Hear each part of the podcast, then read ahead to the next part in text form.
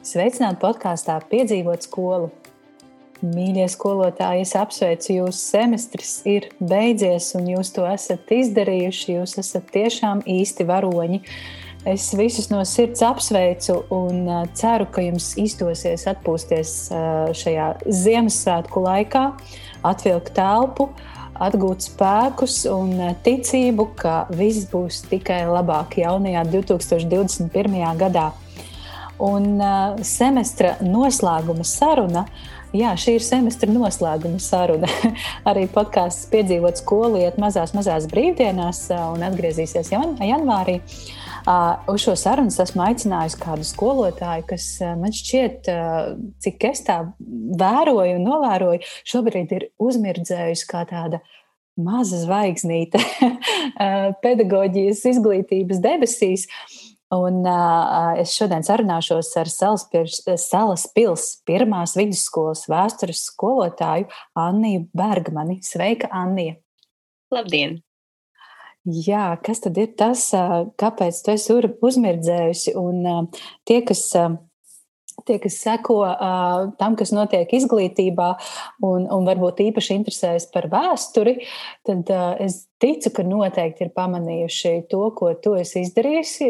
Tas ir milzīgs darbs um, saistībā ar uh, projektu atslēgas, ar šo TV raidījumu, kas nu, ir uh, pārtapis arī uh, nu, tādā materiālā, ko var izmantot skolā, vēstures stundās. Un, un, jā, es zinu, ka tev ir bijusi saruna arī žurnālā. Ir. Uh, un droši vien varbūt vēl kaut kur.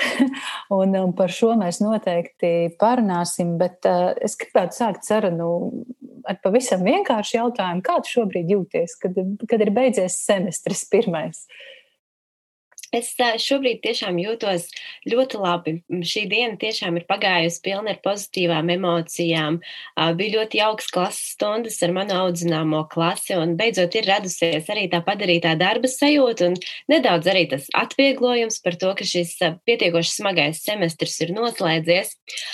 Bet tāpat laikā ir, ir skumjas un ir cerība uz nākamo gadu, uz nākamo semestri, jo arī šī semestra beigās tagad saņemot apsveikums no skolēniem un redzot arī savu audzināmo klasi uh, tiešsaistē ar kamerām, tomēr ļoti, ļoti izjūtu tās skumjas pēc viņu satikšanas klātienē, pēc šī te klātienes mācību procesa. Uh, jo, protams, ka caur, lai arī kā mēs cenšamies caur datoriem, uh, tas tomēr nav tas un tīri šis cilvēciskais kontakts ļoti, ļoti pietrūkst. Tā iespēja viņus uzmundrināt vai vienkārši satikt vai kopīgi pasmieties. Un uh, tagad arī redzot, ka īstenībā cik ļoti ātri tas laiks skrien un cik viņi ir izauguši visi liekas un tā izmainījušies. Un es ļoti, ļoti ceru, ka nākamajā semestrī tomēr būs iespēja viņus satikt visus arī klātienē. Jā, kuru klasu tu audzini? Astoto. Jā, jā, tas ir tāds interesants vecums. Tiešām, man liekas, tās izmaiņas ir acīm redzamas. Un, tāda pārēja no tāda skarbā tīņa vecuma jau uz mazliet, mazliet nopietni, nopietnākām mhm. pasaules lietām. Un, un, jā, tas ir skaists, skaists vecums. Un, nu, jau var sākt runāt kā ar cilvēkiem, vai ne? jā, viņi man vispār ļoti lieliski. Un, un jau, jau mēs tā visu laiku runājam arī par šīm nopietnām lietām, kā, kā situācija ar Covid-19 un visiem ierobežošanas pasākumiem, vēl kamēr bijām klātienē. Mums bija tiešām ļoti uh, cilvēcīgi cilvēcīgas un atvērtas sarunas ar viņiem. Man tiešām liels prieks, ka skolēni arī uh, prot uztvert un prot saglabāt mieru šādās tomēr tik sarežģītās situācijās. Jā, kā, kā tu jūti, kā, kā jūtas skolēni šobrīd vispār skolā? Cik, cik nu caur zūmu vai tīmu, es nezinu, ko tu izmanto skolā, cik var just, ko viņi, cik daudz tev uzticās, cik stāsta par, tā, par to savu ikdienu, par savu satraukumu, ja tāds ir. Skolēni īstenībā ir, nu, protams, kā ir ļoti dažādi, un visu laiku cenšos viņiem jautāt arī par šo attālināto mācību procesu. Un prieks ir tas, ka diezgan liela daļa jūtās ļoti apmierināti. Viņiem patīk attālinātais mācību process, viņi sajūt šos bonusus, ka tā ir iespēja labāk plānot savu laiku, ka tā ir iespēja pievērsties vēl kaut kam, kam iespējams skolas laikā nesanāk laika, bet tikpat daudz, un tas droši vien ir atkarīgs arī no skolēna personības atšķirības no rakstura, vai tie ir introverti vai ekstraverti cilvēki. Un tikpat daudz, principā, ir arī tādi, kas tiešām ilgojas vairāk pēc šīs sabiedrības, vai arī stāsta par to, ka viņiem mājās ir ļoti grūti saņemties, kas, protams, tas ir absolūti normāli. Un tā ir mums visiem. Es domāju, arī jebkurš skolotājs var godīgi sev teikt, ka ir grūtāk saņemties nekā tad, ja tu esi jau aizbraucis uz darbu. Um, un līdz ar to skolēniem arī ir šīs dalītās sajūtas, bet nu, cenšamies, cenšamies viens otru mierināt un nu, īsti jau mēs neko arī nevaram tādā ziņā izdarīt. Nu, tas, ir jā, tas ir atkarīgs no šīs te, visas situācijas valstī, bet skolēni turās, mēģina saskatīt to pozitīvo. To mēs arī cenšamies darīt katru dienu. Ja, saskatīt, ko tad mums dod šī iespēja tomēr strādāt vai mācīties no mājām. Mm -hmm. Un kā jūtas skolotāji? tu vari droši runāt pati par sevi un, un varbūt ieskicēt to, to kopainu, kā tu jūti, kas notiek skolā un, un kolēģi starpā. Jā, nu, skolotājiem, un no tā skaitā arī man ir šīs dalītās sajūtas, jo no vienas puses um, man arī tas tādā savā ziņā atvieglo ikdienas procesu, ņemot vērā to, ka nav jātērē laiks ceļā uz darbu un no darba. Un pilnīgi jūtu, ka šīs liekās stundas sakrājās un ir iespēja tās iztērēt. Un es ļoti novērtēju to, ka ir iespēja piedalīties dažādās mācībās caur šiem online kursiem, ja caur Zoom vai caur Tīmu. Tas, tas es ļoti ceru, ka tā gan būs lieta, kas saglabāsies arī pēc attālinātām mācībām vai vispār pēc te visa um, procesa bez pulcēšanās, jo, manuprāt, tas tā ir lieliski iespēja pieslēgties kursiem jebkurā brīdī no savām mājām, nedomājot par to, kur tie notiek un vai, vai šis pasniedzējs ir citā pilsētā vai vispār citā valstī. Tādā ziņā es uzskatu, ka tas ir ļoti labs laiks, lai pilnveidotos, lai pilnveidotu savas zināšanas. Bet, protams, ka ir, uh, ir nogurums, bet nu, atkal jau gribētu teikt, ka nogurums ir katru gadu. Un arī ar klātienes mācībām, protams, ka no tā uh, neizvairīties. Uh, bet, uh, Un es gribēju teikt, ka ir vieglāk nekā pavasarī, jo šķiet, ka visa šī sistēma ar visām darbu iesniegšanām, ar mācību procesu organizēšanu, tas viss jau ir pārdomā, pārdomātāk, izplānotāk, un nav vairs nu, tas haoss, kāds bija, nu, kas arī bija saprotams, ka bija jāpāriet nedēļas laikā uz pilnīgi attālināto mācību procesu. Līdz ar to, jā, es arī gribētu mudināt skolotājus meklēt šo pozitīvo. Protams, ka ir grūti nemācīt uh, klātienē un neredzēt to, kā skolēni uh, veids šos uzdevumus, ir ļoti grūti ar, ar, ar atgriezeniskās saites sniegšanu. Tas patērē daudz vairāk laika nekā tad, ja tu skolā iziet cauri soliem un apskati, kā ir veikts uzdevums un visu kopā izvērtēt, bet ka tev te ir jāizlasa pilnīgi katra vēstule, katrs darbs un kaut kādā veidā jā, jāpastāsta skolēnam, kas tad ir sanācis un kas vēl jāpilnveido, tas paņem ļoti daudz laika.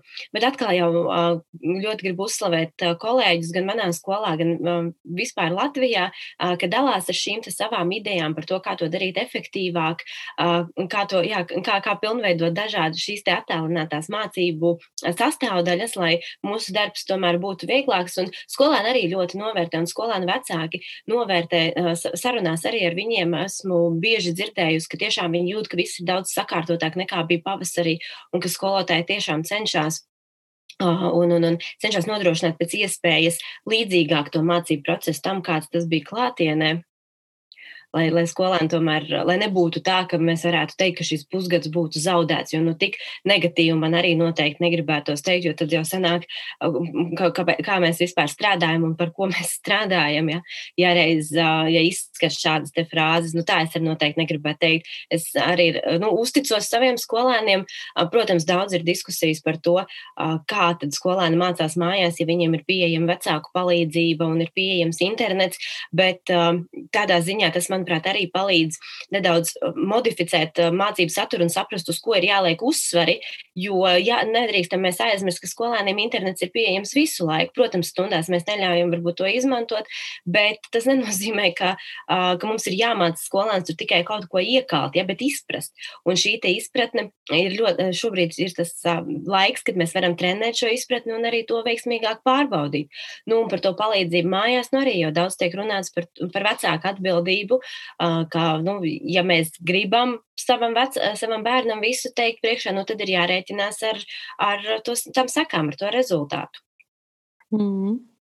Kas ir tie cilvēki, kas ir tās, tās grupas, cilvēku grupas, kas saka, ka šis pusgads ir, ne, ir varbūt nevērtīgs, netik labs un, un, un efektīvs bijis?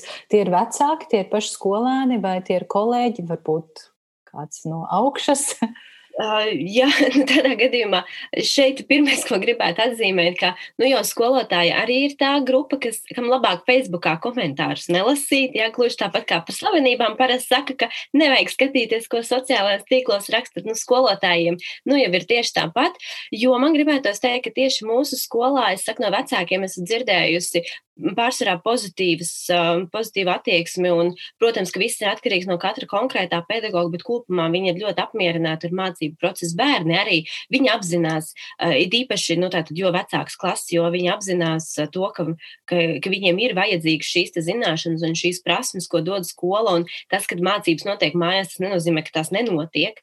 Uh, un it īpaši apzinīgi ir absolventu klases 9, 12 Un, uh, un principā, jā, šīs negatīvās uh, lietas, vismaz es ar tām saskaros tikai šajos sociālajos tīklos, kad nu, palasot komentārus pie kādām no ziņām, kad tiek teiksim, rakstīts atkal par to, ka par pārēju uz attālinātu mācību procesu, un tad, tad ir šie viedokļi, ka nekas jau nenotiek skolās. Un, mm. un to ir tiešām tā sāpīgi un nepatīkami lasīt, jo bieži vien izlasot to, liekas, ka pirmkārt, ka tā ir skolas iekšēja problēma, un ka visu ir iespējams atrisināt, ja tiešām ir šī saruna ar skolotājiem un ar skolas vadību, un ka vecāki normāli, konstruktīvā veidā izteiktu savus iebildumus, nevis tikai skaļi braukt, ka viss ir slikti.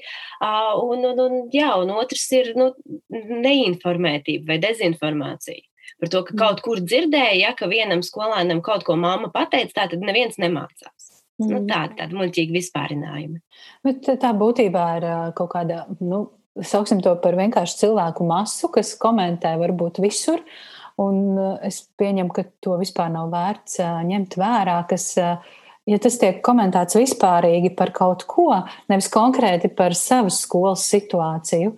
Jā, tu jau visu ļoti brīnišķīgi izstāstīji, ka vispirms taču ir jārunā ar, ar skolotāju, ar pedagogu, ar audzinātāju, tad ar skolas vadību un jārisina šī situācija iekšēji, nevis nu, komentāru rakstīšana kritisku komentāru rakstīšana šajā situācijā absolūti neko nedod. Protams.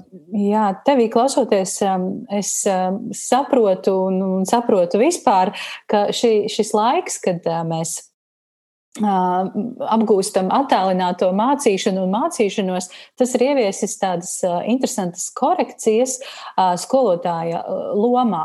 Nu, kas, kas tad ir skolotājs, kāda ir viņa loma un ko tad viņš dara tajā klasē vai ar skolēniem? Un, ja, ja agrāk, ja līdz šim mēs bijām uh, Nu, lielākoties tie, kas vada procesu un, un, un lasa lekcijas, un no mums nāk šī lielā zināšanu plūsma, tad tagad mēs no skolotāji kļūst par tiešām tādiem, tādiem palīgiem, par, par tiem, kas tur roku uz pulsa, parāda pareizo virzienu, bet mums vairs nav tik daudz varas to, nu, to tiešo zināšanu nodošanā, man liekas. Un skolotā, skolēnam pašam ļoti daudz kas ir jāapgūst, pašam jāsaprot, kur meklēt. Un, un tas ir tas otrais iegūms - skolēna patstāvība. Jā, sākt regulēt pašam savu laiku, saprast, kas, ko es varu, ko es nevaru, ko es saprotu, kas man ir vēl jāsaprot. Un uh, klasē esot, tas, uh, tas ir tik vienkārši pacelt roku, pateikt, es nesaprotu un neizdarīt. Bet tagad, kad, uh, kad ik viens ir mājās, tad ir tāda mazliet uh, apstāšanās. Tā, labi, es nezvanīšu uzreiz tai skolotājai un, un pameklēšu pats. Un tā trešā lieta, ko es vēlētos izcelt un, un uzreiz ar tevi parunāt, ir jauna metožu meklēšana, kas, protams, saistās ar to pirmo, ka skolotāja loma mainās. Un es gribētu parunāt ar tevi eh, par kādu metodi, ko tu rakstīji savā Facebookā, tu to biji atradusi. Un šis uh, pavasaris, kad sākās nu, tā pirmā attālinātās mācīšanas pieredze, rosināja to metodi izveidot. Un tās metodas nosaukums angļu valodā ir Flipped Classroom. Flipped Classroom. Kāds jā, būtu tulkojumā? Jā. Kā būtu tūkojumā vēlreiz pasaka? Apgrieztā klase. Aha. Un es to sapratu tā, ka, ka tu dod skolēniem instrumentu, kā viņi var apgūt jauno vielu. Un, un tad klasē strādāt jau ar to, jau, jau ar to materiālu, nevis nu, lasīt un kaut ko jaunu, jaunus, jaunus faktus iemācīties. Un, un tad, cik es sapratu no tevis rakstītā, ka tajā pavasarī tu šo metodi izmēģināji. Es gribētu, lai tu pastāsti par to sīkāk, kur tu to metodi atradi, kāpēc tev tā likās interesanta. Un, jā, kā tu to iedzīvināji reāli klasē savā? Jā, paldies par, par šo te izcēlumu, jo pilnīgi piekrītu, ka šis ir tas laiks, kad skolotājiem ir iespēja meklēt jaunas metodas, un uh, es ceru, ka tās metodas arī var palikt uz, uh, palikt uz palikšanu, ja, ja tā var teikt vēlāk, kad atgriezīsimies klātienē, jo šis te krīzes laiks, šis izaicinājuma laiks tomēr spiež skolotājus, jā, meklēt uh, kaut ko jaunu, un uh, bieži vien tas tiešām sanāk kā ieguvums. Un konkrēti par šo te apgrieztās klases, jeb fliptu classroom metodi. To es atradu jau pirms sešiem gadiem, vēl pirms es sāku strādāt skolā jo uh, man, uh, nu, man nav pedagoģiskās augstākās izglītības kā tādas. Uh, man ir šis pedagoģa certifikāts, un uh, līdz ar to pirms es sāku strādāt uh, skolā, man šķita, ka man ir nu, jāsamācās viss iespējamais, kas man varētu noderēt. Ja? Nu, tā tad jāsavāc šī instrumentu bāze. Un tā skaitā es klausījos vairākas tiešsaistes lekcijas. Un viena no tām, no, viens no tiem lekciju kursiem bija tieši par šo apgrieztās klases metodu un tās ieviešanu un instrumentiem un tam līdzīgi. Un man liekas ļoti, ļoti interesanta pieeja, jo, nu, tātad, jā, jo tieši šo te ieguvumu dēļ, jo tie galvenie ieguvumi, jā, tātad tika nosaukti kā vairāk laika stundā iegūšana praktiskai darbošanai, vai, vai šie te piemēri, ka, ka īstenībā mēs tik ļoti nu, varbūt atžgārni domājam, ka, ja, teiksim, kā parasti vismaz liela daļa varbūt balstās, ka, teiksim, ir kaut kāds stundas uzdevums, cik paspējam izdarām, nu, un tad pārējais paliek mājās. Vai kaut ko stundā izdarām, un tad citi uzdevumi ir mājās, nu, un vēl pati atceroties no savas bērnības, no saviem skolas laikiem, no atnākot mājās un atverot to mājas darbu burtnīcu, nu, tad, tad saprat, ka viss ir slikti un neko vairāk nesaprot, un uh, vai nu ir jāiet prasīt vecākiem, un tad ir šī ilgā sēdēšana pie burtnīcām bez mazai uz asaru robežas, un mēģinājums tomēr izprast to vieli, tīpaši, ja tā bija mm, dabas zinātnes vai matemātika. Man, manā gadījumā, um, savukārt, un stundās atkal likās, ka viss ir vienkārši, viss ir saprotams. Nu, tad šī apgrieztās klases metode tieši uz to arī balstās, ka šis sarežģītākais, jeb šie uzdevumi, kas parasti mājās sagādā problēmas, ka tas ir tas, kas tiek darīts stundās, bet, protams, ka stundu skaits mums nemainās, kaut kādā brīdī mums ir jāapgūst arī tā teorētiskā viela, un tad tiek piedāvāts samainīt šos abus, abas daļas ar vietām, respektīvi, ka mājās skolēns pirms stundas apgūst teorētisko informāciju, vai nu izlasot grāmatā konkrēto paragrāfu, vai noskatoties video, un, piemēram, veicot konkrētus pierakstus, ierakstot definīciju vai cēloņus un, un sekas, piemēram. Un savukārt stundā skolēns strādā šo te teorētisko informāciju, vai nu, visa stunda tiek būvēta paredzot, ka skolēns ir izlasījis, vai nu, kaut kāds šis ieskats vismaz tematā viņam ir. Un, jā, šajā gadījumā šī apgrieztās klases metode sasaucās savā ziņā arī ar šo attālināto mācību procesu, jo gluži vienkārši pavasarī, kāpēc es to tā sāku vairāk darīt, jo šķita, ka ir jādažādo tas mācību process. Nu, teiksim, nu nevar katru stundu skolēns klausīties teorētiskajā stāstījumā no manis, ja nu tikai dzirdot manu balsi vai skatoties manu prezentāciju, šķita, ka ir jāmeklē citi veidi. Bet pati par sevi tā ideja pie manis, tad es, es to jā, izlasīju pirms sešiem gadiem, domāju, ka nu tik tūlīt tieši klases priekšā un uzreiz to izmantoju izmantošu. Protams, ka sapratu, ka ne man laika, ne man uh, instrumentu uzreiz, kā to paveikt, un, un ka ir, bija daudz citas prioritātes. Uh, bet tad um, vēlreiz šī metode tā pavisam neapzinātā ceļā pie manis atgriezās tad, kad man bija pirmo reizi devītās klases, tas bija pirms trīs gadiem. Un tad es sapratu, ka mums ir jāapskata tik daudz tēmas, tik īsā laika periodā, ka es nemaz citādāk nevaru. Jo es visu laiku centos izvairīties no mājas darbu uzdošanas vēsturē. Un tad 9. klase bija tas pirmais gads, kad es plānojot saturu, sapratu, ka es nevaru bez tā iztikt. Un es arī skolēniem skaidroju, ka rādīju viņiem grāmatu biezumu un teicu, ka lūk, šis mums ir jāpaspēj izņemt ar tik un tik uh, stundām mēnesī vai tik un tik stundām gadā, un uh, ka, ja es jums nedošu mājasdarbus, mēs gluži vienkārši kaut kur pusceļā paliksim. Un es ar viņiem biju sarunājis, ka mums tie mājasdarbi nebūs rakstiskie, bet izlasīt tekstu grāmatā vai noklausīties kādu video vai noklausīties kādu mācību filmu, un pēc tam tad stundām mēs tālāk ar to darbosimies. Un, un tādā veidā uh, kaut kā radās arī šī sapratne no skolēnu puses, nu, ka, ja viņiem to tā visu cilvēciski izskaidro, tad arī viņi labāk apzinās, ka tas nav vienkārši, ka skolotājai nav ko darīt, un tad grib arī mums sabojāt vakarus ar mājas darbiem, bet, nu, tas tiešām mums ir nepieciešams. Un, un tādā veidā vispirms ar devītiem sākām, un tad, jā, tad pavasars bija man tas pēdējais grūdienis kad es sapratu, ka jāsāk tas ir ieviest arī nu, tā apzināti. Un, un, un, un tagad, jā, arī sākumā, kamēr mums vēl bija šīs klātienes mācības, tad jau es arī tā centos visām klasēm. Protams, ne katrā stundā, un tas arī nav jādara katrā stundā, bet tad, kad jūt, ka tas ir nepieciešams, ka mājās skolēni vispirms tā tad apgūst šo teorētisko, un pēc tam stundā jau mēs strādājam ar praktiskajiem uzdevumiem.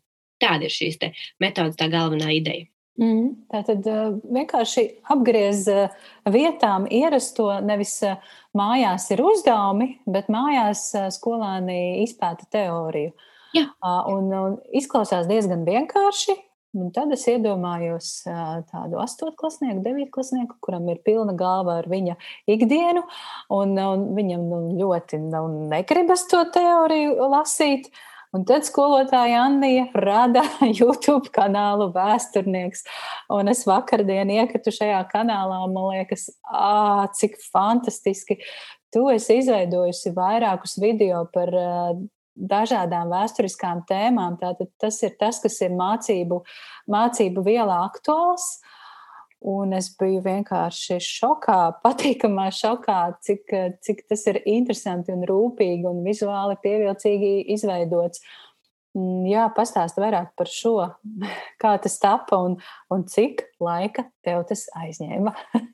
Um, jā, sirsnīgs paldies par labajiem vārdiem un par novērtējumu. Uh, jā, tas bija, tas mans šī gada lolojums no septembra, jo pavasarī arī atkal viss sākās pavasarī, kad um, attālinātais mācību process, jā, ātri vien jāpielāgojas. Un tas bija tas pirmais, ka es saprotu, ka nu, vajag skolēniem dažādot šo ikdienu, jo viņi tātad nu, sēž pie grāmatām, pie darba burtnīcām savas astoņas stundas dienā. Un, nu, un, ja vēsturē viņiem iedos garu un sarežģītu tekstu, tad, nu, tad tā arī būs, ka nobīdīs malā jau un gaidīs brīdi, nu, kad vairs nevarēs izvairīties. Vai arī izvairīsies no pildīšanas vispār.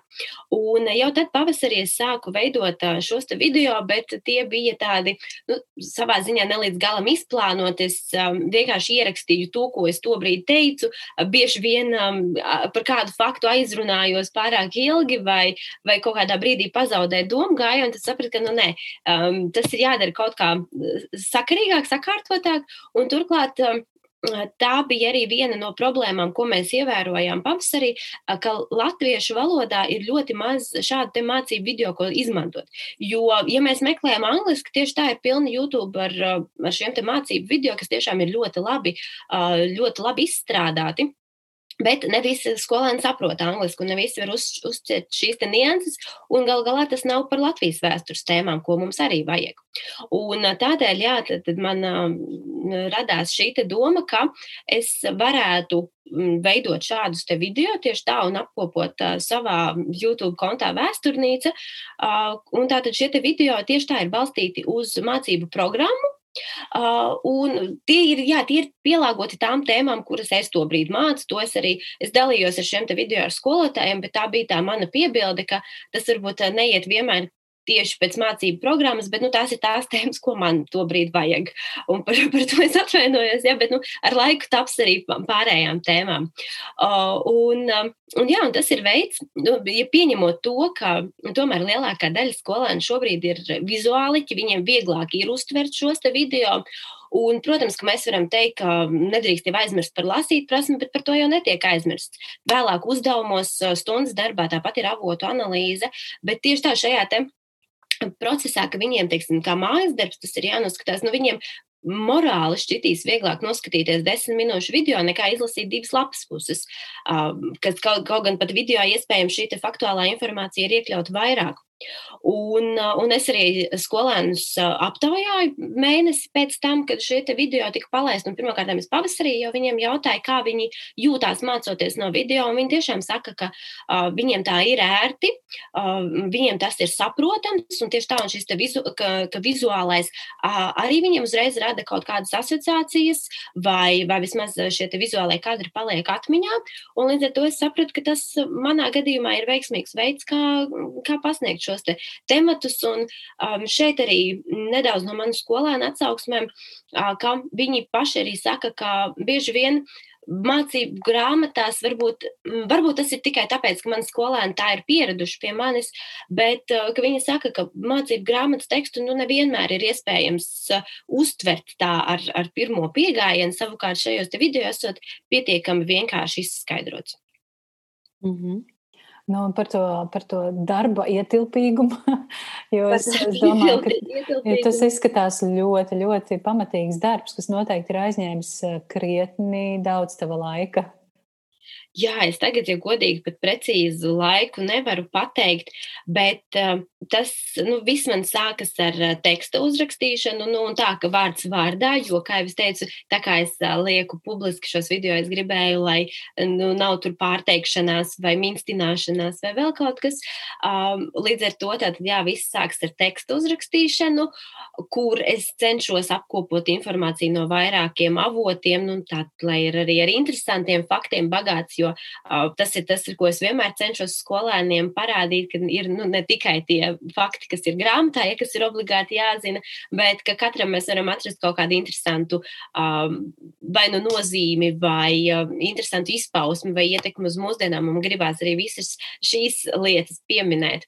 Un līdz ar to, jā, laikam tā teksta izveidošanas aizņem vis, vislielāko laiku, nu, un tālāk seko mm, atbilstošas prezentācijas izveidošana, Principā šie video pagaidām man top ļoti vienkārši. Es izveidoju PowerPoint prezentāciju un tad ar, ar ekrāna ierakstīšanas rīku ierakstu to un paralēli savu balsi, kuras lasu to iepriekš sarakstīto tekstu. Un principā tā vid, paša video ierakstīšana aizņem vismazāk laika. Es cenšos ar, ar pirmo piegājienu to izdarīt tieši tā sevi motivējot, ka nu, tagad ir jāsaņemas, jo ir 15 minūtes, un es taču negribu sēdēt, nu, teiksim, divas un trīs reizes ierakstīt.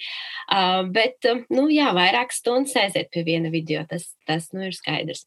Bet es mm. sevi mierinu, ka tie paliks um, arī nākamajiem gadiem. Jā, tas ir tāds ieguldījums šobrīd, kas noderēs arī citus, citas reizes, un tas nav tā vienam, vienam, vienai izmantošanai. Um, Kā, kā tu, kāda ir tava vīzija, kā tu redzi, kā šie skolēni strādā ar šiem video, kā, kā tu esi iedomājusies un kā tas notiek reāli, ko viņi tev ir stāstījuši, varbūt tu esi redzējusi, vai skolēni veido konspektus, pastāsti vairāk par to savu vīziju un par reālo darbu. Mm -hmm. uh, jā, uh, skolēni cenšas darīt lielākā daļa to, kas viņiem tiek pateikts. Nu, tātad, ja es nepasaku, ka ir jāveido konspekts, nu, lielākā daļa no brīvas gribas to noteikti nedarīs. Uh, bet um, savā ziņā viņi jau pārspēja nedaudz manas cerības, jo, protams, ka veidojot katru šo video vai plānojot katru stundu, uh, es uzreiz apzinos, ka noteikti būs daļa skolēnu, kas šo uzdevumu neveiks un atnāks uz stundu nesagatavojušies. Uh, bet tad es cenšos nu, mierināt, ka tas būtu jau ļoti ļoti līdzīgi, ja es būtu uzdevusi arī vienkārši rakstisku mājas darbu, vai nu viņi nebūtu izdarījuši, vai viņi būtu norakstījuši no kāda cita, jo nu, ir mums tā, tā, tā daļa, kas, kam ir ar to mācību motivāciju, kā ir, un tad nu, cenšas atrast visādus veidus, kā izšķirt no uzdevumiem. Līdz ar to tas jau bija pirmais, kas mani patīkami pārsteidza, ka tomēr, nu, tad, sākoties stundai un sarunājoties ar šiem skolēniem, var just, ka tomēr lielākā daļa noskatās un, un ir spējīgi komentēt. Un, tas, kas varbūt jā, ir ļoti atkarīgs arī no paša skolēna, un kas man, man arī vairāk viņiem ir jātrenē, šī spēja atzīt, ka kaut kas tomēr nav bijis vēl skaidrs. Nu, tad, lai nebaidās, ka ja, pat ja tas bija uzdots mājās, tas nenozīmē, ka viss tagad bija pilnībā jāizprot, ja, un nekādi jautājumi nedrīkstēja rasties. To, tiem man vienmēr ir, es saku lielu paldies tiem skolēniem, kas nebaidās stundas laikā teikt, ka skolē pagaidiet, vēlreiz par to vietu tur izskaidrojiet. Es tā arī nesapratu. Jo nu, es, es to apzinos, un es nevaru izstāstīt varbūt ar pirmo piegājienu tā, lai pilnīgi visi saprot. Um, Līdz ar to jā, tas, tas jau pārspēja manas cerības. Um, un tad jā, tā, tā iecerētā uh, situācija, tad, kad ir klātienes mācības, ir tāda, ka es uh, ierakstu šo mm, video, ieliku saitu uz video kā mājas darbu, ar piebildi, ka stundā turpināsim uzdevumus par šo tēmu. Un tad tālāk stundā, nu, kas, kas nu katrā reizē ir paredzēts, bet es tā tad uh, cenšos tomēr vēlreiz iziet cauri tai teorētiskajai informācijai, tieši tāpēc, lai pārbaudītu, vai visi saprata.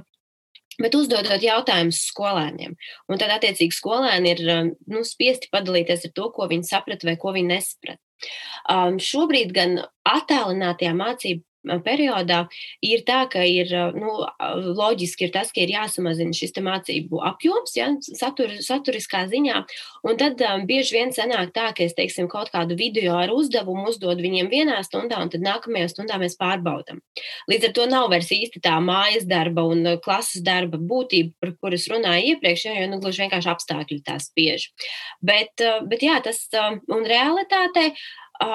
Man, kas man arī likās uh, interesanti un kas ir viens no šīs te apgrieztās klases metodas bonusiem ir tas, ka, teiksim, ja tas ir rakstisks mājas darbs, tad skaidrs, ka skolēnam tas ir jāpilda mājās, bet ņemot vērā to, ka ir skolēniem pulciņi vai mūzikas skolas vai kādas citas aktivitātes, nu nevienmēr atliek laiks to izdarīt uzreiz pēc stundām, un tad, tad sanāk, šos te mājas darbus pildīt vēl vakarā.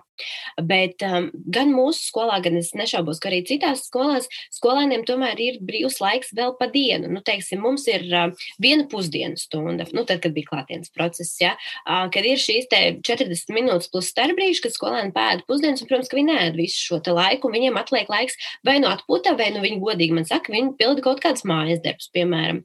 Un tas bija arī pirmais, no kā ko varbūt man daži skolēni baidījās man teikt vai izrādīt. Uh, ka tad, kad es uzdodu šo mājas darbu, es jau, ne, nu, protams, tas ir mājas darbs, ja, bet es jau neteicu, kurā brīdī es, nu, es pārbaudīšu stundā.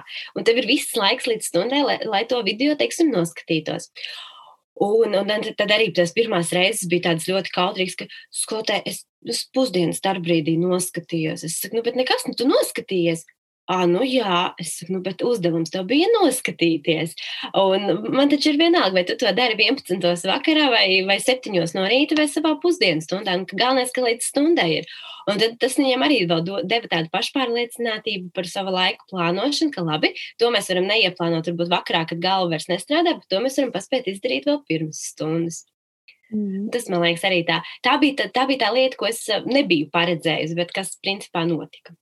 Jā, tā, tā informācijas pieejamība, kas turklāt skolēniem saprotamā veidā ir pieejama. YouTube droši vien ir tas, ko viņi patērē ļoti daudz. Un otra aktuāla lieta, manuprāt, ir audio, audio informācija. Man uzreiz, kā podkāstu veidotājai, nāk prātā hei, šī ir, šī ir lieta, kas ir jāliek arī klausāmā formātā, kā podkāsts. Vai tu neesi kaut ko par to domājis? Jo latviešu podkāsti par, tieši par vēsturi uh, ir kaut kas, bet tas ir nu, ļoti maz un gribētos tiešām tādu interesantu klausāmu informāciju. Vai tas ir par šīm skolas tēmām, varbūt tas ir kaut kas plašāks, varbūt tas ir sarunas ar cilvēkiem, kas var izstāstīt kaut ko interesantu. Un es domāju, ka tas būtu ļoti labs materiāls gan skolāniem, gan citiem interesantiem. Varbūt tev tāda ideja ir radusies, ja nav, tad es tev to pametu.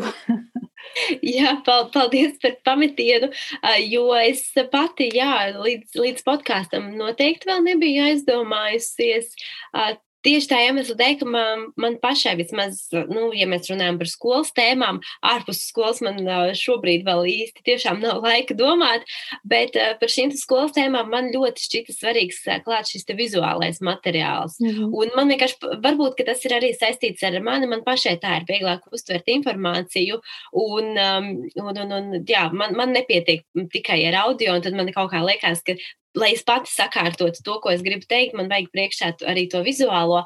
Un tāpēc, um, domājot par to, kā palīdzēt skolēniem, man vispirms šī pirmā izvēle bija tieši video. Mm. Bet viss jau var mainīties un attīstīties. Un tomēr, ja, ja, tu, ja tu apsver, es ies, iesaku apsvērt šo domu, jo iedomājies, tad, tad tavu, tavu informāciju, ko tu būsi ierunājusi, šo, te, šo te informāciju par vēsturi, par apgaismību, par Eģipti, par seno Romu, to skolēni klausīsies gan sporta treniņos, gan ejot pa ielu. Tas lokus paplašinās. jā. Tas gan, jā. jā. Labi. Es gribētu parunāt par to otru lielo projektu, kas, kas tapa šoruden. Un, tas, tas man bija tāds pārsteigums, un es tajā brīdī, kad es ieraudzīju, šķiet, ka tas bija Facebookā šo ziņu, es burtiski noelsos. Wow! Un, un, un komentārā par, par to, ko mēs tūlīt runāsim, tu pati biji ierakstījusi, ar kādu ātrumu strādā skolotāji, darot savu sirdsdarbu. 6,5 stundu plānu dienā, jeb 50 stundu plāni 8 dienu laikā. Tātad 8 dienu laikā tapa 50 stundu plāni, 50 TV uh, raidījuma atslēgas sērijām. Nu, Anija stāsti. Jā, tas bija, tas bija laikam mans šī gada lielākais piedzīvojums un uh, tiešām tāds sirdi piepildošākais piedzīvojums, uh, kas kuras vispār nebiju plānojusi un, ja godīgi, nebiju cerējusi, jo es pati esmu tiešām liels atslēgu fans. Un tad, kad, tad, kad šīs sērijas sāka iznākt, es biju ārkārtīgi nopriecājusies par savu veiksmi to brīdi, jo tas bija tas pats gads, kad man bija pirmo gadu devītās klases, un kad es domāju, ārprāts par Latvijas vēstures tēmām nav video, un ko lai dara, un tieši tad tika izziņots, ka būs šie 50 raidījumi tieši par Latvijas vēstures būtiskākajiem tematiem, un es nopriecājos, ka beidzot, ka tieši ir, ir uzklausītas manas domas par to, un man būs skolēniem šie te mācību video, ko dot, un tie bija tie video, kas mani pamudināja uzsākt šo apgrieztās klases ideju, jo tie bija tie video, kurus es Latvijas vēsturē skolēniem sūtīju, lai viņi noskatās pirms stundas. Un, uh, man jau bija vairākas darba lapas vai mācību materiāli izveidoti, pakārtoti tieši atslēgām. Un, un, un, un tad, kad, jā, un vēl īsi pirms um, Mārtiņš Čibils aizgāja, mums um, gandrīz sanāca uh, satikties un uh, sazināties, jo viņš jau bija sācis šo te ideju par um, mācību materiāliem atbilstoši viņa sērijām virzīt. Bet tobrīd viss vēl bija tādā uh, sarunu procesā, un tika meklēti cilvēki komandai, kas šo varētu veidot. Uh, bet tad, diemžēl, notika šī traģēdija, un uh, tā arī viss apklusa. Un es tik jā, turpināju izmantot šos, šos raidījumus uh, nu, savā stundās un, un, un domāt par to, cik tie ir izcili. Un tad pavisam negaidot šoruden. Saņēmu e-pastu no Mārtiņa Čibildes sievas, no Ilzas Grasas Čibildes. Un tas man arī bija nu, tas, es vispār par šo iespēju joprojām īsti tā līdz galam nevaru noticēt. Un, uh, un liekas, ka tas ir, tas ir viss kaut kur ārpus realitātes, jo es joprojām atceros to dienu. Es sēdēju skolotāja istabā, man bija brīvstunda, biju aizgājusi iedzert kafiju un pēkšņi redzu telefonā, ka ir e-pasta šis, te paziņojums no Ilzas Grasas ķibildes, un es izlasu to uzvārdu. Un man rokas sāk trīcēt, un es domāju, ārprāts, kas nu notiek, un vēru satraukumā vaļā to e-pastu. Pirmais, ko es izdaru, es uh, uztaisu ekrānu šāviņu un nosūtu savam dzīvesbiedram, lai viņš izlasa, vai, vai tas nav tā, ka es vienīgā tagad sapņoju. Un uh, mēs sarunājam sarunu ar Ilzi. Un sākumā jā, viņi man nu, izstāsta vispār šo ideju, kā tas ir nolēmts turpināt Mārtiņa Čibildu šo projektu un, un digitalizāciju, un ka, lūk, ka viņi ir meklē, meklējusi vēstures skolotāju, un viņai es esmu ieteikta, un ka viņi gribētu, lai es palīdzu izveidot atslēgu vārdus katrai sērijai. Nu, tad pavisam it kā tāda vienkārša ideja, ja, nu, lai šajā meklētājā ir vieglāk atrast katru sēriju atbilstoši mācību tēmām. Un, un, un tad es uh, ievilku elpu un domāju, nu, Pag, nu, varbūt mēs varam vēl kaut ko. Es iesāku, ka jā, varbūt tas izklausīsies pārāk ambiciozi, un lai viņi saka, ko viņi par to domā, bet es varētu piedāvāt, izveidot arī mācību šos stundu plānus vai konkrētus materiālus, nu, kā to visu integrēt, jo pamatojoties uz to, ka skolotājiem jau tā šobrīd ir darba pilnas rokas un ka tādas idejas, kur mums kaut ko piedāvā, un, teiksim, jūs varat taču izmantot to, un jums tur ir resursi, tādas mums ir ļoti daudz. Bet tieši tā integrēšana stundā jau aizņem to vislielāko laiku un izdomāt, kā tu to vari pielāgot un ielikt tajās savās 40 minūtēs. Un, un, un tad, es, tad es saku, ka man jau ir dažas darba lapas, es varu sagatavot paraugus un nosūtīt, un kā tas varētu izskatīties. Un es nosūtīju, un Ilzai patika šīs idejas, un patika, kā tas varētu izskatīties. Viņa saka, jā, ja tu vari paspēt, un ja tu esi gatava to uzņemties, tad, protams, ka mēs priecāsimies. Un tā bija laikam mana darbiem piepildītākā nedēļa to brīdi. Tajā brīdī es noprecājos, ka mums ir attālināties mācību process, jo es tiešām varēju gan izvēlēt neiet ārā no mājas, no agra rīta līdz stundas sākumam klausīties šos video, jo man jau bija vēlreiz visas sērijas jānoskatās. Nu, nav tā, ka es visu perfekti atceros. Un pēc tam pēc stundām atkal līdz vēlam vakaram skatījos šos video, tad, tad, tad, kad, tad, kad visi plāni bija gatavi, tad pilnīgi bija tā sajūta, ko tagad darīt? Man ir brīvs laiks, ko man skatīties. Jā, tas, tas bija kaut kas vienreizējs. Bet uh, es, es, es tā mēģinu iedomāties to, to, to darba apjomu, kas tev bija. Tu, tu teici, astoņās dienās. Jā, Bet, Jā, tas, tas, bija, tas bija mums uzliktais deadline, kad bija šie materiāli jāpublicē ar visu jauno mājaslapu. Abrīnojami. Bet kā tas tīri tehniski? Nu, to taču es, es, es neesmu izpētījis visus šos materiālus, bet es pieņemu, ka nav tā, ka metodas nu, ir vienas un tās pašas. Tur noteikti mainās, un, un katrā, katrā sērijā, katrā stundu plānā ir kaut kas cits. Kur, kur tu guvi to resursu? Tev ir kāda resursu kladīte, metožu kladīte? ja nu vienīgi smadzenēs un, un, un, un kaut kādās ideju krātuve te patās, bet, um, nu jā, teiksim, dažas uh, sērijas, nu, lai neizklausītos varbūt uh, tik traki, tas skaitlis 50, teiksim, dažas sērijas bija vairākas pa vienu tēmu, piemēram, par Latvijas neatkarības atjaunošanu, un tad, teiksim, piecas sērijas es pieliku tā kā pie viena darba, teiksim, ka bija, nu, kas arī ļoti labi, manuprāt, strādātu, ka skolēni sadalās grupās un katrs analizē to vienu sēriju un to vienu sēriju apskatīto notikumu. Tad tālāk kopīgi veido laika līniju un prezentē pārējiem. Teiksim, tas bija tas vienīgais temats, jā, kur bija vairākas sērijas par, par, nu, par zem viena stundu plāna. Uh, bet pārējām, jā, tas, tas, tas ir tas izveidas process. Bija, ka es sēdēju, skatījos katru sēriju, blakus man bija pierakstu lapa. Um, kur es pierakstīju tātad galvenās, galvenās lietas, kas šajā video tiek apskatītas, kas man tobrīd nāk prātā, kur to varētu izmantot. Un tad uh, vēru vaļā aktuālās skola 2030 izstrādātās programmas atbilstoši jaunajam mācību saturam, skatījos, pie kurām tēmām uh, konkrēti tas iet klāt, jo, nu, protams, ka skatoties sēriju, man jau raisās idejas.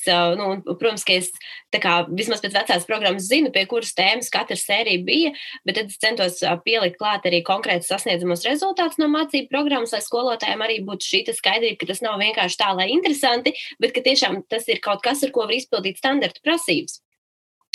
Un, jā, un tā vispirms tas tapa uz papīra, un tad es sarakstīju ātri idejas, kas man tobrīd radās, Un tad izdomāju, kas uh, skan vislabāk, un, un, un aprakstīju normāli. Mm. Es, Jā. es tiešām es abrīnoju, un man gribas aplaudēt, un, un, un nezinu, izsaukties laimē. un, uh, un pats lieliskākais, manuprāt, ir tas, ka Nu, šie materiāli ir brīvi pieejami ikvienam, ikvienam pedagogam, ikvienam patiesībā. Jā, un tos, tos tad var pētīt un izmantot un iedvesmoties, veidot citus materiālus, kas nu ir nepieciešams. Un, jā, milzīgs. Es, es gribētu tev pateikt paldies par šādu uzņēmību un par šādu radošumu un jā, darba spējām. tu, tu, kā tu par, Kā tu par sevi teiktu, tu esi tāds, tāds, tāds čaklais cilvēks, jo man šķiet, ka tev ir milzīgi, milzīgs spēks un, un milzīgs darba spējas tevī jūtamas. Vai es esmu čaklais cilvēks? Nu, darba ziņā laikam jau, bet man tiešām tas viss nāk no, no, no vēlmes palīdzēt skolēniem, palīdzēt citiem kolēģiem, skolotājiem, jo Un varbūt arī apstākļu sakritības dēļ, protams, jo es esmu arī šo jau stāstījusi saviem kolēģiem, ka tad, kad es sāku strādāt skolā, mums gluži vienkārši nebija nopirktas darba burtnīcas. Mums bija da, da, mācību grāmatas, ja, bet darba burtnīcas tas bija iepriekš jāpasūta. Un tā kā es biju tobrīd sākus strādāt, tad, protams, ka es pie šīs pasūtīšanas netiku, bet es pat tā uzreiz kaut kā pielāgojos, ka nē, man nemaz nevajag tās darba burtnīcas, bet tas nozīmē, ka man pilnīgi visas darba lapas ir jātaisa pašai. Uh, un tas bija arī veids, ko es biju izdomājis, ka es nelikšu vienkārši skolēniem rakstīt pierakstu kladē, man būs viņiem pierakstu mape, kur viņi liks darba lapas. Nu, un tādā veidā es sev uzreiz sagādāju papildus darbu. Bet varbūt tas jau mani uzreiz pieredināja, ka tad, kad es pirms sešiem gadiem sāku strādāt skolā, es sev biju uzstādījusi šos mērķus, ka nē, man nav tāda resursa, es veidošu darba lapas, un pie tā es arī pieredu, un tas arī. Uh, tā kā liek saņemties, liek sastruktūrēt savu ikdienu, ka tās vienkārši ir lietas neizbēgamās, nu, man vajag un viss, un, un tāds ir termiņš. Un, jā, nu, Ne, nu, gribētu teikt, ka es vienmēr esmu bijusi tādā ziņā centīga. Es arī skolā vienmēr visu pildīju, un es biju tas apzinīgais skolēns. Uh, kas arī, kas arī vidusskolu pabeidza ar medaļu.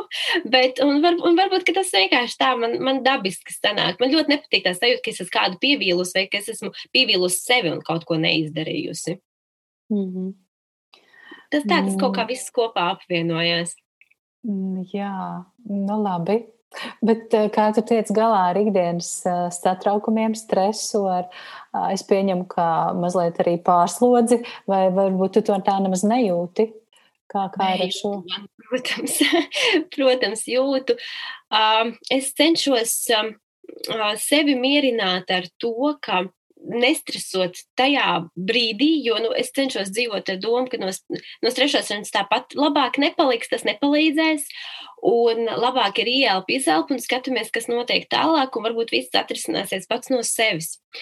Uh, Bet par pārgurumu, protams, ka uh, gan, gan klātienes procesā, gan tagad um, tas viss aizņem nenormāli daudz laika. Un, uh, Bet tas arī, to es gribētu arī teikt, ka tas noteikti ir jebkuram skolotājam, ka tas arī ir absurdi domāt, ka mums darba diena ir no 9 līdz 5, vai šajā gadījumā mums taču pusčetros jau stundas beidzās, un, un skolotājiem visa diena brīva. Nu, tāda, es tiešām nezinu, vai vispār uz, uz pasaules ir kāds skolotājs, kas pusčetros aizver kabinetu durvis un viss un aizmirst par darbu, jo klāt nāk visas gatavošanās, visas darba labošanas, un skolotājs, manuprāt, ir tā profesija, kas neizbēgam vienmēr darbu nesīs uz mājām mājām, lai arī kā censtos, nu, pat ja ne tas ir tādā fiziskā veidā, ka kaut ko labot vai, vai nu, gatavot materiālus mājās, bet vismaz šīs domas un ideju meklēšana, nu, tas ir visu laiku klātesošs vai, vai šī satraukšanās par saviem skolēniem, tad, kad, tad, tad, kad ir konkrēti apstākļi. Un, uh, es arī, es arī šajā iepriekšējā intervijā jau teicu, ka teiksim, man pat tas izpaužās tā, ka skatoties vakarā kaut kādu filmu vai raidījumu, tās pašas atslēgas un adreses, bija šis te process, ka man jau dzīves biedrs ir pieredzējis, ka var sekot frāzi, pagaidi, stop! Un, un, un tas nozīmē, ka man ir kāda ideja radusies, un man ir fiks jāpieraksta, pirms es esmu aizmirsusi. Un tādā ziņā arī nu, es, es pat nevaru. Nosk... Dažreiz tās ir pilnīgi ar vēsturi nesaistītas filmas, vai ar skolu nesaistītas filmas. Vienkārši kaut kādā brīdī kaut kur aizdomājos. Bet tādā savā ziņā man tas patīk. Man patīk visu laiku būt um, tādā, nu, būt, būt šajā apritē un, un, un visu laiku domāt kaut ko jaunu, kaut ko labāku, bet, protams, ka šis pārgājums uh, piezogās, un tad es vismaz cenšos sev apsolīt brīvos vakarus vai sestdienas svētdienas, vai vismaz, nu jau ir vismaz sestdienas, ka es nestrādāju. Svētdienās jau top video vai, vai, vai kaut kas cits, bet vismaz kaut kā sev apsolīt, ka viss, es tagad izdarīšu šo, un tālāk es, ne, viss, es aizveru visu ciet, nolieku, un ka tagad ir, ir mans laiks, es vai nu lasīšu grāmatu, vai es skatīšos kādu filmu, vai gluži vienkārši es kaut ko garšīgi apēdīšu. Tā, sevi, nu, tā, tā kā bērns cenšos sevi uh, motivēt un, un, un pēc tam par, ar kaut ko apbalvot. Jo, ja nav šīs apbalvojums, nu, tad gan man gribētos teikt, ka tur no uh, tādas ne tikai noguruma, bet arī tādas sliktas psiholoģiskās un emocionālās pašsajūtas no, no tā neizvairīties. Mm. Varbūt tas ir arī tas, ko mēs bieži aizmirstam sevi, tomēr arī ar kaut ko apdāvināt un uzdāvināt sev vismaz atpūtu, vismaz šo te brīvo vienu vakaru. Jā, laiks taču ir vislielākā dāvana. Jā. Jā, tu minēji par to, kā, kā tu skaties filmas vai raidījumus, un tevī raisās idejas. Un, šis ir ļoti interesanti. Tas, tas, es domāju, ka daudziem skolotājiem tā ir arī, arī man. Tad, kad es vēl strādāju skolā, es mācīju latviešu literatūru, un tad, nu, tas ir klasiski, ka literatūras skolotājs nespēja palasīt, nedomājot. Nedomājot par to, kā šo tekstu varētu tagad izmantot stundā vai, vai latviešu valodā, vai varbūt literatūrā. Jā. Uh, ir viens seriāls Netflixā, uh, kura nosaukums ir uh, The Society. Es nezinu, vai tu to esi redzējusi, bet es tev gribētu ieteikt, ja tu neesi redzējusi. Kā, kā vēsturniecei, nu, man liekas, oh, šis ir tik labs materiāls vēstures stundām, jo tur ir šis seriāls ir par jauniešiem, kas, kas ir kāda mazpilsēta, kurā vienā rītā pamostas tikai jaunieši. Visi pieaugušie, visi bērni ir prom. Nu, lūk, un, un tad viņi tad domā, ko, kā tagad dzīvot, kā to, kā to dzīvi organizēt. Viņi tā secīgi, smuki pa sērijām vienas sezonas laikā iziet no tādas anarhijas, tad tur izskatās pēc monarhijas, un tad demokrātija, un tad, un tad beigās izskatās, ka ir jau totalitārisms iestājies kādā brīdī. Bet tas viss ir tādā, nu, tādā interesantā, nu, jauniešu attiecības, sadzīve, ikdiena, kā mēs tagad dzīvosim, kā mēs, ko mēs darīsim ar pārtiku, kā, kas būs, kas rūpēsies par kārtību, pilsētā. Un, un man liekas, ka šis ir ļoti labs materiāls. Es, es tev gribētu ieteikt, un, un es jau gaidu, kas tur varētu sanākt no tā, kāds labs mācību, mācību metožu apkopojums. Um, Jā, es, es runājot par, par šiem materiāliem, raidījumam atslēgas, man gribējās pajautāt, vai tu zini, kas ar šiem materiāliem, materiāliem notiek, vai tu jūti atsauksmi, atdevi atsauksmes, atgriezenisko saiti, vai tu zini, ka skolotāji to izmanto, kā, kā tas tiek izmantots? Diem, diemžēl vēl nē. Es tikai ceru, ka tiek izmantots un spriežot varbūt pēc šīs reakcijas Facebookā, ja, kur, kur arī šīs ziņas par to tika publicētas. Pēc tā es ceru, ka kā kāds izmanto, bet šajā gadījumā mums arī ir ar Ilzi plānots nākamā gada sākumā atsevišķs kā, mācību kurs skolotājiem, kur arī vēlreiz stāstītu par šīm materiālu izmantošanas iespējām. Un es ceru, ka pēc tā arī būs jau kaut kādas konkrētākas atsauksmes, jo mēs arī plānojam protams, šo, šo praktisko darbošanos. Tā kā mm. es ceru vairāk kaut ko uzzināt nākamgad, jo, protams, ka interesē, kā tas viss ir tālāk aizgājis. Jā. Tā tad tu iesaistīsies arī kursa veidošanā. Jā. Nu, brīnišķīgi. Nu, nu, kur viens, viens tik aktīvs cilvēks un, un skolotājs tas ir eh, zelta vērtē? Anija izstāsta vēlreiz eh, visiem, kas, kas nezina vai nav dzirdējuši, kur var atrast šo materiālu, kāda adrese jāievada meklētājā internetā, lai tad var visu atrast. Jā, tad tas ir principā, jebkuram interesantam šie materiāli skolotājiem ir tikai kā palīga materiāls, bet visas 50 atslēgu sērijas ir apkopotas mājaslapā atslēgas.tv. Un tur ir iespēja gan šīs, te, šīs te epizodes skatīties secīgi, gan arī tur ir ļoti skaista laika līnija, pa kuru ir iespējams bīdīt kursoru, un tad parādīsies šīs te sērijas jau arī chronoloģiskā secībā. Un tad uzklišķinot uz katras sērijas ir pirmkārtām šis te svarīgākais video materiāls, un tad klāt arī kā pielikums ir šie te stundu plāni. Mm -hmm. Un, ja skolotāji tagad klausās un, un ļoti grib uh, zināt, uh, kā, kā tad var tikt uz tiem kursiem, kur, kur, kam jāsako, lai šo informāciju par iegūtu? To, par to pagaidām informācija vēl sekos, tiks izsūtīts. Pirmkārt, būs informācija noteikti Facebook lapā, atslēgu profilā, bet arī informācija tiks izsūtīta skolām, un tad jau tālāk tiks nogādāts līdz katram skolotājam. Mm -hmm. Jā, es domāju, ka šis ir ļoti, ļoti vērtīgi un, un vērts, vērts izmantot šo iespēju. Um, man bija daži jautājumi, kas, kas, kas manuprāt, ir svarīgi, bet kurus es šīs nu, jau stunda ir pagājušas, šīs stundas laikā neesmu paspējusi uzdot. Un, un vienu es uzdošu, pajautāšu tev, kāpēc vēsture? Kāpēc tieši vēsture ir tas, ko tu māci skolēniem? Tur gan ir manu skolotāju nopelns. Oh, jo tas, jā, jā, tas, tas ir absolūti nenoliedzami, bet man tiešām bija fantastiski skolotāji, ne tikai vēstures, bet arī citu priekšmetu skolotājs. Mācījos Rīgas teiks vidusskolā, tā kā sveiciens, ja arī kāds no teiks mani klausās. Un, jā, man bija šī lielā izvēle starp latviešu valodu un literatūru un vēsturi, jo tie bija tie priekšmeti, kas man visvairāk padevās, visvairāk saistīja un visvairāk šķita interesantākie. Un, Un vēsture šķita ne, vairāk tāds nestandarta priekšmets. Man liekas, ka, jā, ka tā, tā būs tāda uh, interesantāka un izaicinošāka izvēle man.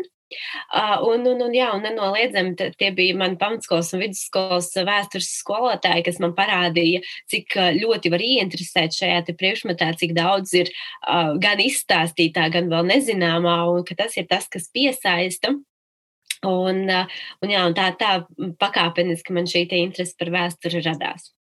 Brīnišķīgi. Es domāju, ka varbūt tu vari kādu nosaukt vārdā, uzvārdā. varbūt kāds mums klausās, un tas būtu tik patīkami droši vien sadzirdēt, ka, ka skolēni, bijušie skolēni novērtē un atceras. Jā, viņi jau. Mēs jau esam runājuši daudzās, daudzās kopīgos pasākumos, un viņi zina, ka pateicoties viņiem, es šo ceļu izvēlējos. Bet pamatskolā man vēsturi mācīja Ginta Liepiņa un vidusskolā Valdis Klišāns.